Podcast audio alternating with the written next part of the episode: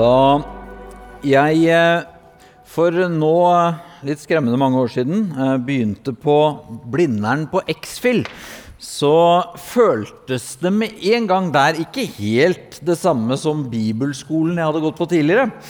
Og Derfor så ble jeg litt overrasket da en av professorene der i en bisetning sa at eh, alle vi i vestlige land er kristne uavhengig av personlig tro, siden kristen tro har formet vår kultur så mye. Da ble det liksom litt bibelskole likevel.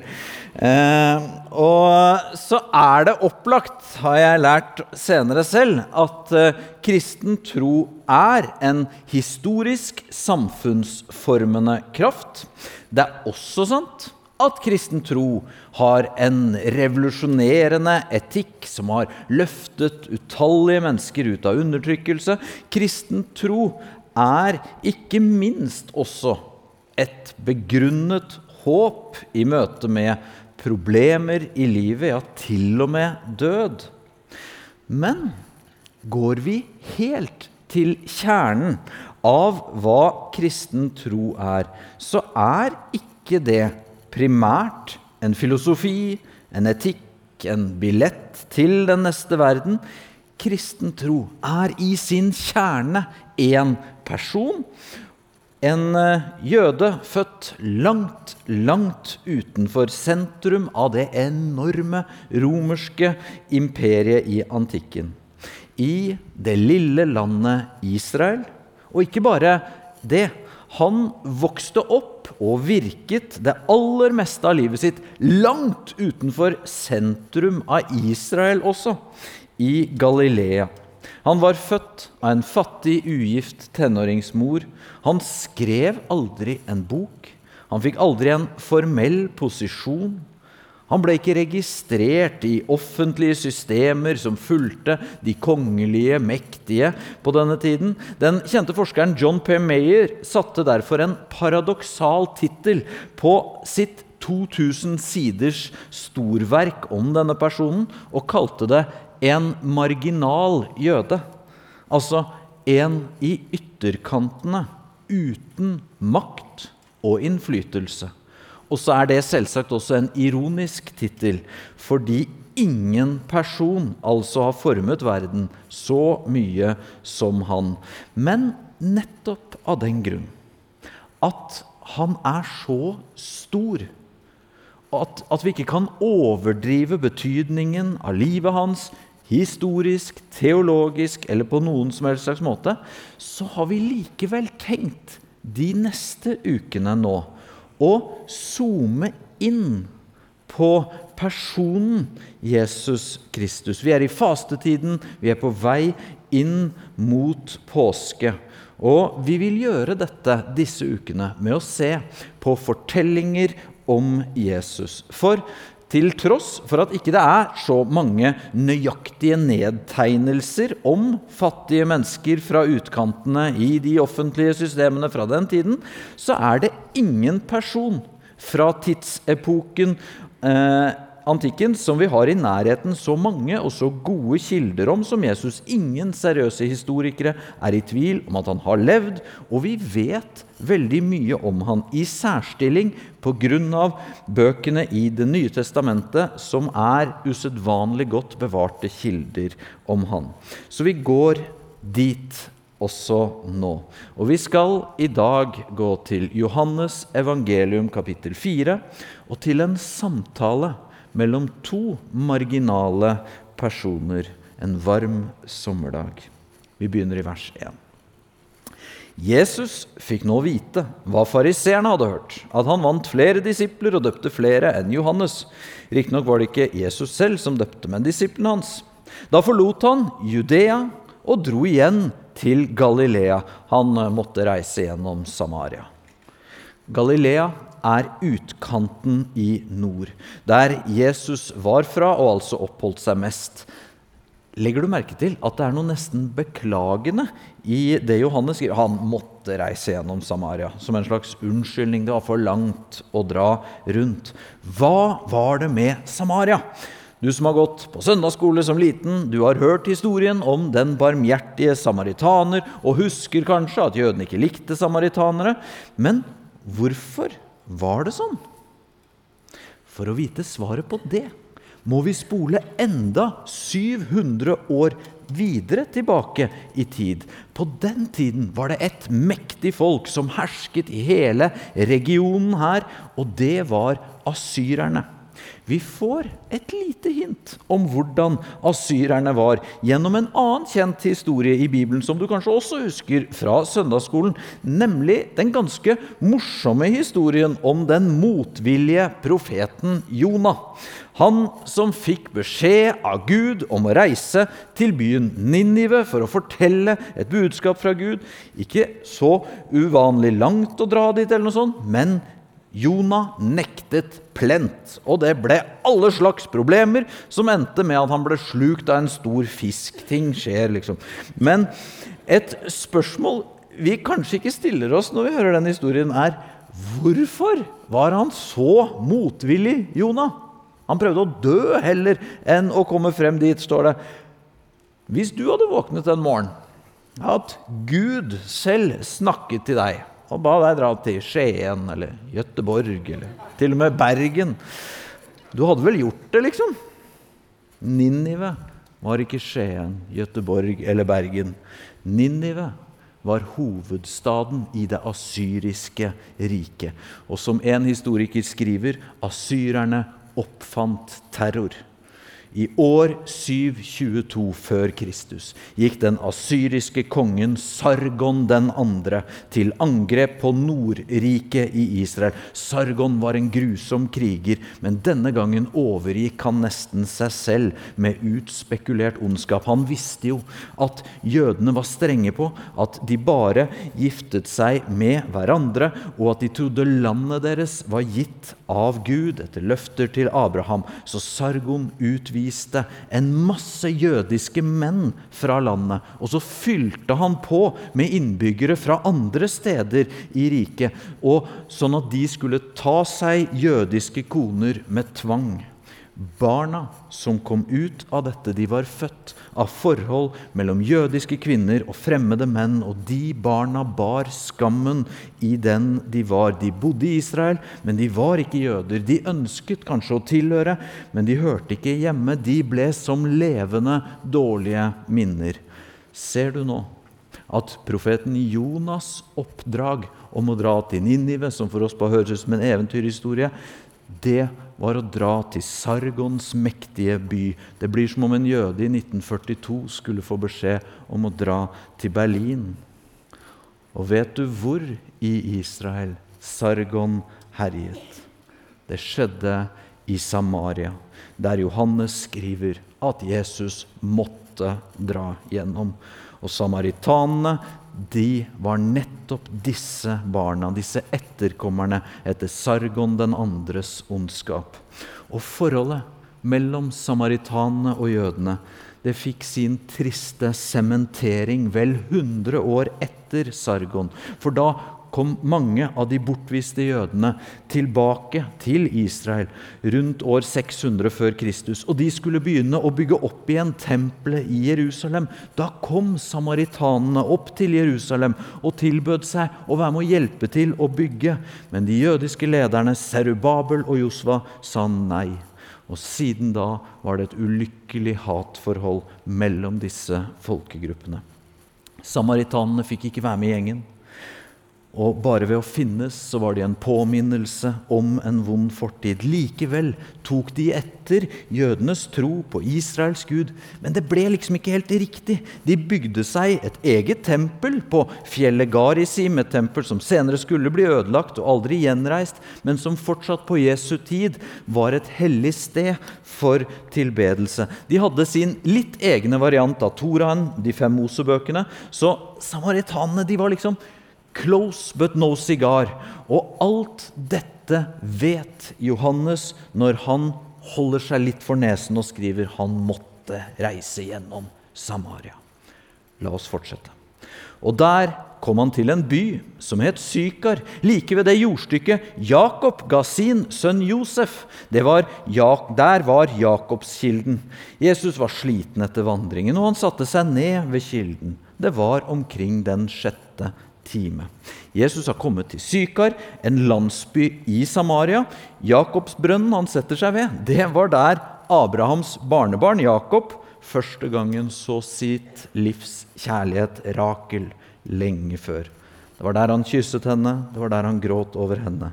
Så allerede før dagens fortelling så har den brønnen her et historisk sus over seg. Den var også kjent for å være så dyp at vannet som kom opp, alltid var kaldt og friskt, og på folkemunne ble det kalt det levende vannet. Legg merke til, forteller Johannes grep her. Nå slakker han farten. Vi har reist fort og lett fra Judea mot Galilea, men nå stopper vi helt opp ved en brønn i Sykar, og vi får til og med vite hva klokken er. En opplysning som for oss virker ganske uinteressant, ja vel. Men for de første leserne så var det et lite signal. Ok, han setter seg ved en brønn. Sjette time klokken tolv på formiddagen. Når, da får han i hvert fall sitte i fred, for det er ingen som henter vann da. Det er så varmt. Da kom en samaritansk kvinne for å hente vann. Jesus sier til henne, 'La meg få drikke.' Disiplene hans var nå gått inn i byen for å kjøpe mat. Hun sier, 'Hvordan kan du, som er jøde, be meg?' En samaritansk kvinne om å få drikke, for jødene omgås ikke samaritanene. Her var det flere røde lys som blinket samtidig. Hun er dame-Jesus, gode jøder, takker Gud hver dag for at de er født som menn. Hun er samaritaner, og det har vi forklart. Og hun er en sånn som går og henter vann når ingen andre gjør det. Altså en sånn som heller går i stekende sol enn på, på, det dårligste tidspunktet enn å se naboene sine i øynene. Her er det noe muffens, Jesus. Det er jo en risiko og en kostnad i å ses for tett sammen med feil folk. Sånn er det i dag, og sånn var det den gang. For oss er liksom samaritanene det er bare et navn i en gammel historie. Men på Jesu tid så ble man stemplet som tvilsom selv hvis man var for god venn med dem. Og det var akkurat det Jesus ble. Det skulle slå tilbake på han selv. I en diskusjon med eliten i hovedstaden senere kom plutselig anklagen kastende mot han. Da svarte jødene, 'Har vi ikke rett når vi sier at du er en samaritan og har en ond ånd i deg?' Men Jesus tenkte ikke på sånne konsekvenser denne dagen i Sykar. Han var bare den han var, så han satt halvsov i skyggen, og det var ingenting i han som nølte i dialogen. Jesus svarte, om du hadde kjent Guds gave og visst hvem det er som ber deg om drikke, da hadde du bedt han, og han hadde gitt deg levende vann. Herre, sa kvinnen, du har ikke noe å dra opp vann med, og brønnen er dyp. Hvor får du da det levende vannet fra? Du er vel ikke større enn vår stamfar Jakob? Han ga oss brønnen, og både han selv, sønnene hans og buskapen drakk av den. Han så ut som en sliten mann i skyggen. Hun var høyreist og praktisk. Hvor skal du få vann fra, mann? Du har ikke bøtte engang. Som så ofte rundt Jesus, men også i livene våre, så foregår det ting på flere nivåer samtidig. Det handlet om fysisk vann og drikke, men nå sto det plutselig mye mer på spill. Jesus svarte, 'Den som drikker av dette vannet, blir tørst igjen.' 'Men den som drikker av det vannet jeg skal gi, skal aldri mer tørste.' 'For det vannet jeg vil gi, blir i ham en kilde med vann, som veller frem og gir evig liv.' Nå er ikke Jesus lenger bare ved denne brønnen i Sykar. Nå snakker han ikke bare om fysisk vann, men om en livgivende tro. Han sier at tro det er annerledes enn menneskene ofte tenker. Ikke som en sånn religiøs kvalifikasjon for de flinke, men som noe som kommer til oss ufortjent. Han sier to ting her om tro som er verdt å merke seg. Det første er altså at troen er en gave. Det vannet jeg vil gi. Spørsmålet er ikke hvor mye du eller jeg klarer å tro, vi, men mer om vi skulle ønske at vi ønsket å tro. Eller som Martin Luther sa, at mennesket har det ikke i seg selv å si ja til Gud, bare å slutte å si nei. Blir ikke det det samme, da? Nei, ikke helt. For å si ja, det er en slags prestasjon. Men dette vannet er det ikke vi, med den fine bøtten vår, som skaffer. Det er ikke vår styrke som drar den opp. Det er Jesus som gir det. Og vi som slutter å si nei og får troens gave. Det andre Jesus sier om troen, her, det er at den blir en kilde som ikke tar slutt, men som fortsetter å gi vann. Vannet kommer til oss. Av og til så synger og ber vi kristne om at Gud må komme. Så møtes vi og feirer gudstjenester, og så håper vi at han kommer. Men egentlig er det på en måte motsatt. Gudstjenester er Gud som inviterer oss fordi han er her først. Å leve i tro er som å være våken for Guds nærvær i oss, rundt oss, hele tiden. Sånn sett er det bare vi selv som av og til er litt fraværende. Du som pleier å gå på gudstjeneste, har kanskje merket at når vi feirer nattverd, så minner vi ofte hverandre om at vi kommer med tomme hender. Og så får vi brød lagt i hendene våre. Og det er for å minne oss om at det er sånn her det funker. Det er ikke lønn som fortjent. Det er ufortjent gave. Så altså troen er en gave. Og den er ikke en engangsopplevelse. Den blir en kilde til liv i oss. For vannet stopper ikke. Kvinnen sier til han, 'Herre, gi meg dette vannet, så jeg ikke blir tørst igjen og slipper å gå hit og hente opp vann.' Jesus hadde snakket til tørsten hennes, den som går dypere enn den fysiske tørsten. Og kvinnen gjenkjenner at det er, ja, det er noe her som må fylles. Og så ber hun straks om å få det. Men da blir samtalen plutselig ganske klein. For Jesus sier Da sa Jesus til henne, Gå og hent eh, mannen din, og kom så hit. Jeg har ingen mann, svarte kvinnen. Du har rett når du sier du ikke har noen mann, sa Jesus, for du har hatt fem menn, og han du nå har, er ikke din mann. Det du sier, er sant. Hva skjedde der, Jesus? Hvorfor begynte du plutselig å snakke om det? Dere hadde en så hyggelig og fin samtale, åndelig og metaforisk om vann og kilder og tro. For ødelegger du stemningen? Fordi Jesus ville gi henne nettopp det som hun hadde spurt om, å få det levende vannet. Og da måtte han adressere noe i livet som hadde tatt den plassen som det levende vannet, som Gud skulle ha. Hun søkte kanskje stadig etter den perfekte mannen i troen på at hans kjærlighet ville redde henne. Og sånn er vi ofte alle sammen.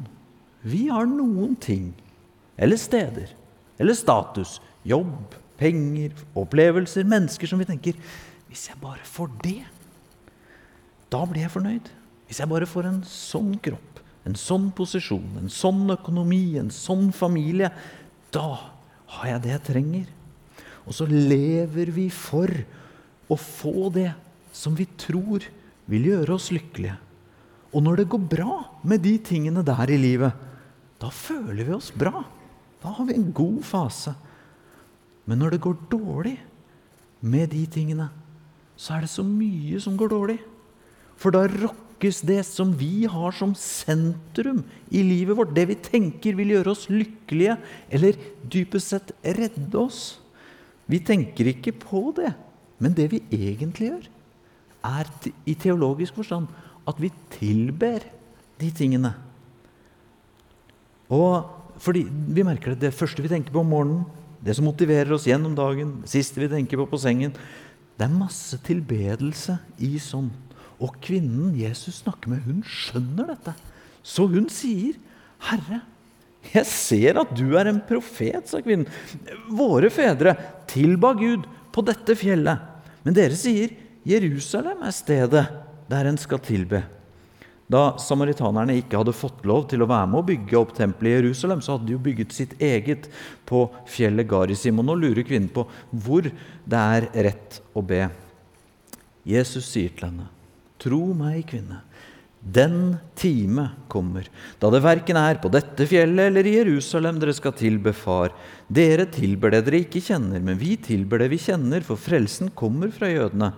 Men den time kommer, ja, den er nå, da de sanne tilbedere skal tilbe Far i ånd og sannhet.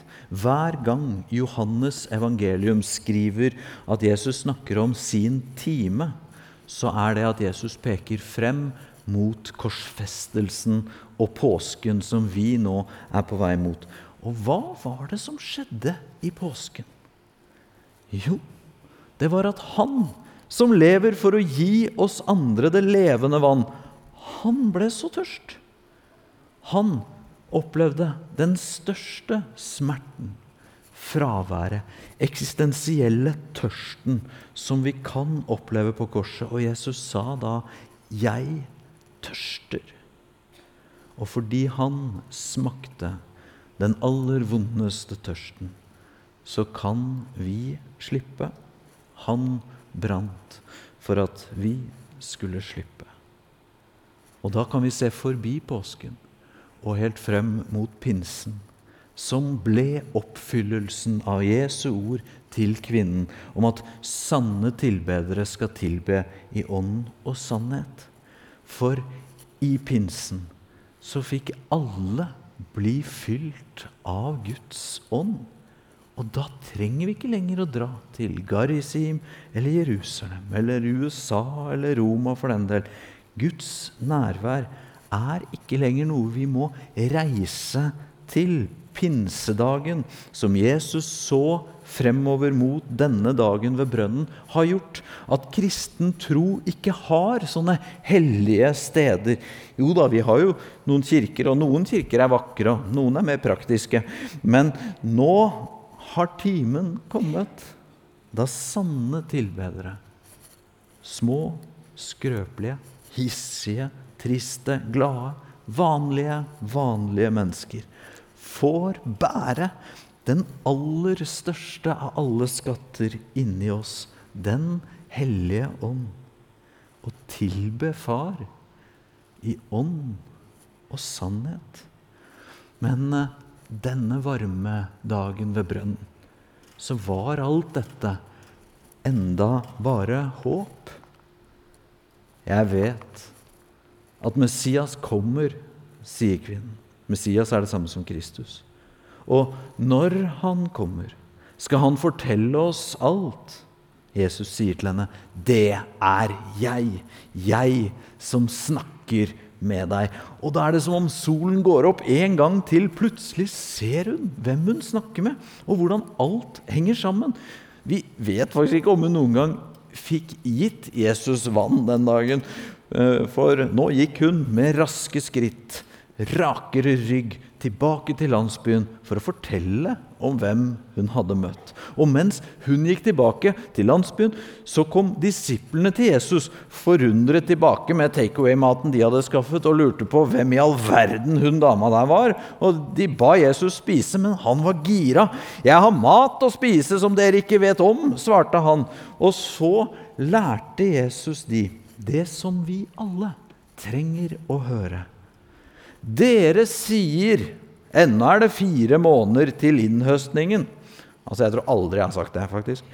Men jeg har sagt når jeg bare kommer i bedre form, når det bare blir vår, når jeg bare blir ferdig med eksamen, når jeg bare får bedre råd, eller bare hun eller de skjerper seg, da Men Jesus sier nei.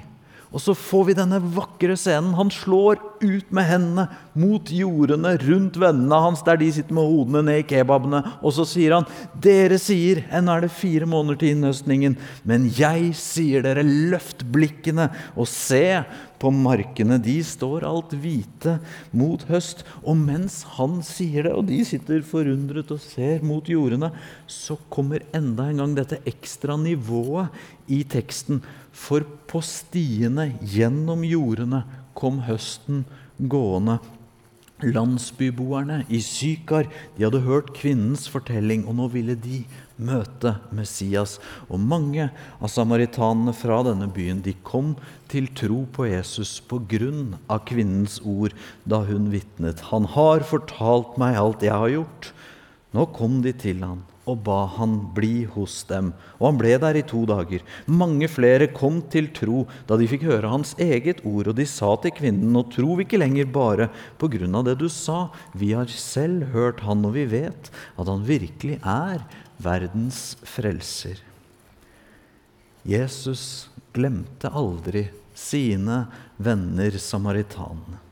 Derfor, som noe av det aller siste Jesus sa etter at han hadde blitt drept og stått opp igjen, da Jesus ga de strategiske føringene for hvordan Jesu budskap skulle overleve og overleveres videre, så vi kan sitte her 2000 år senere og høre det, da sa Jesus, men dere skal få kraft når Den hellige ånd kommer over dere, og dere skal være mine vitner i Jerusalem og hele Judea. Og så tenkte Jesus kanskje på den lille landsbyen Sykar, for han sa i Samaria og helt til jordens ende. Og det er, det er litt rart. Da forfølgelsen av de første kristne rammet den unge kirken i Jerusalem, så ble de kristne spredt rundt i hele Judea, og de kom også til Samaria. Og I Apostelens gjerninger i kapittel 8 så kan vi jo se for oss at kvinnen fra Sykar var til stede i fortellingen der for der kom apostelen Philip eh, til et område rett ved Sykar, og det brøt ut en vekkelse, og ånden falt over nye troende, forteller Bibelen, og det ble dannet kirker av Messias-troende der. Hva som skjedde med kvinnen etter dette, det vet vi ikke.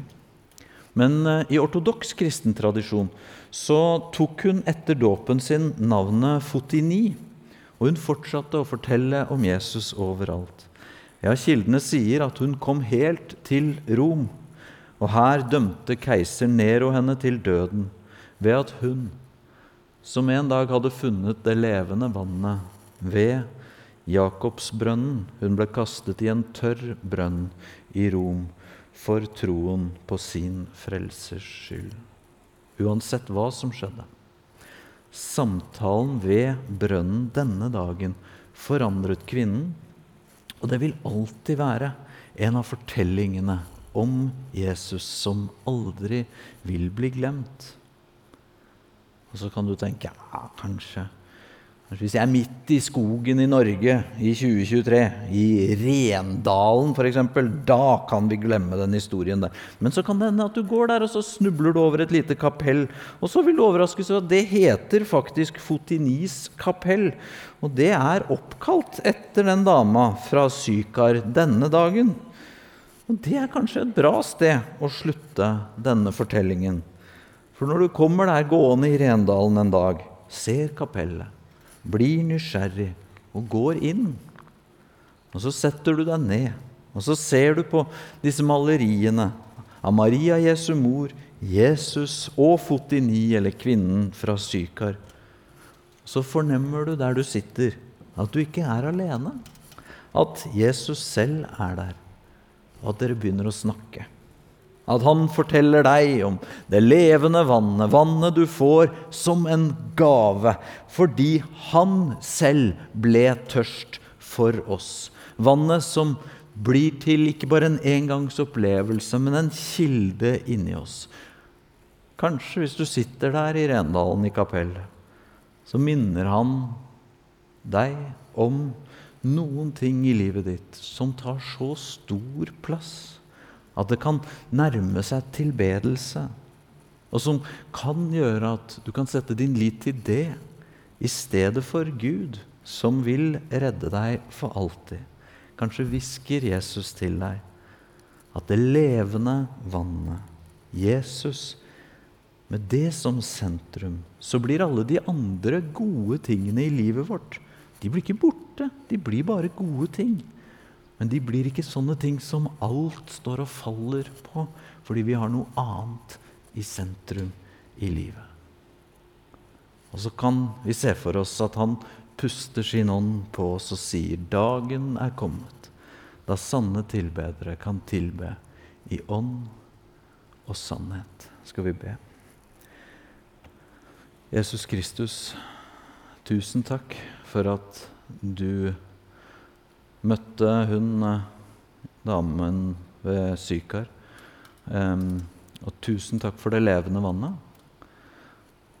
Og nå ber vi om at du møter tørste blant oss med dette. At vi får uh, plassere deg som uh, sentrum i vårt liv. Og at du ved din ånd gjør oss til sanne tilbedere i ånd og sannhet. I ditt navn, Jesus Kristus. Amen. Du har nå hørt en podkast fra Filadelfia-kirken i Oslo. Vil du vite mer om oss, gå inn på filadelfia.no. Og ikke minst velkommen til å feire gudstjenester med oss hver eneste søndag, enten fysisk eller online.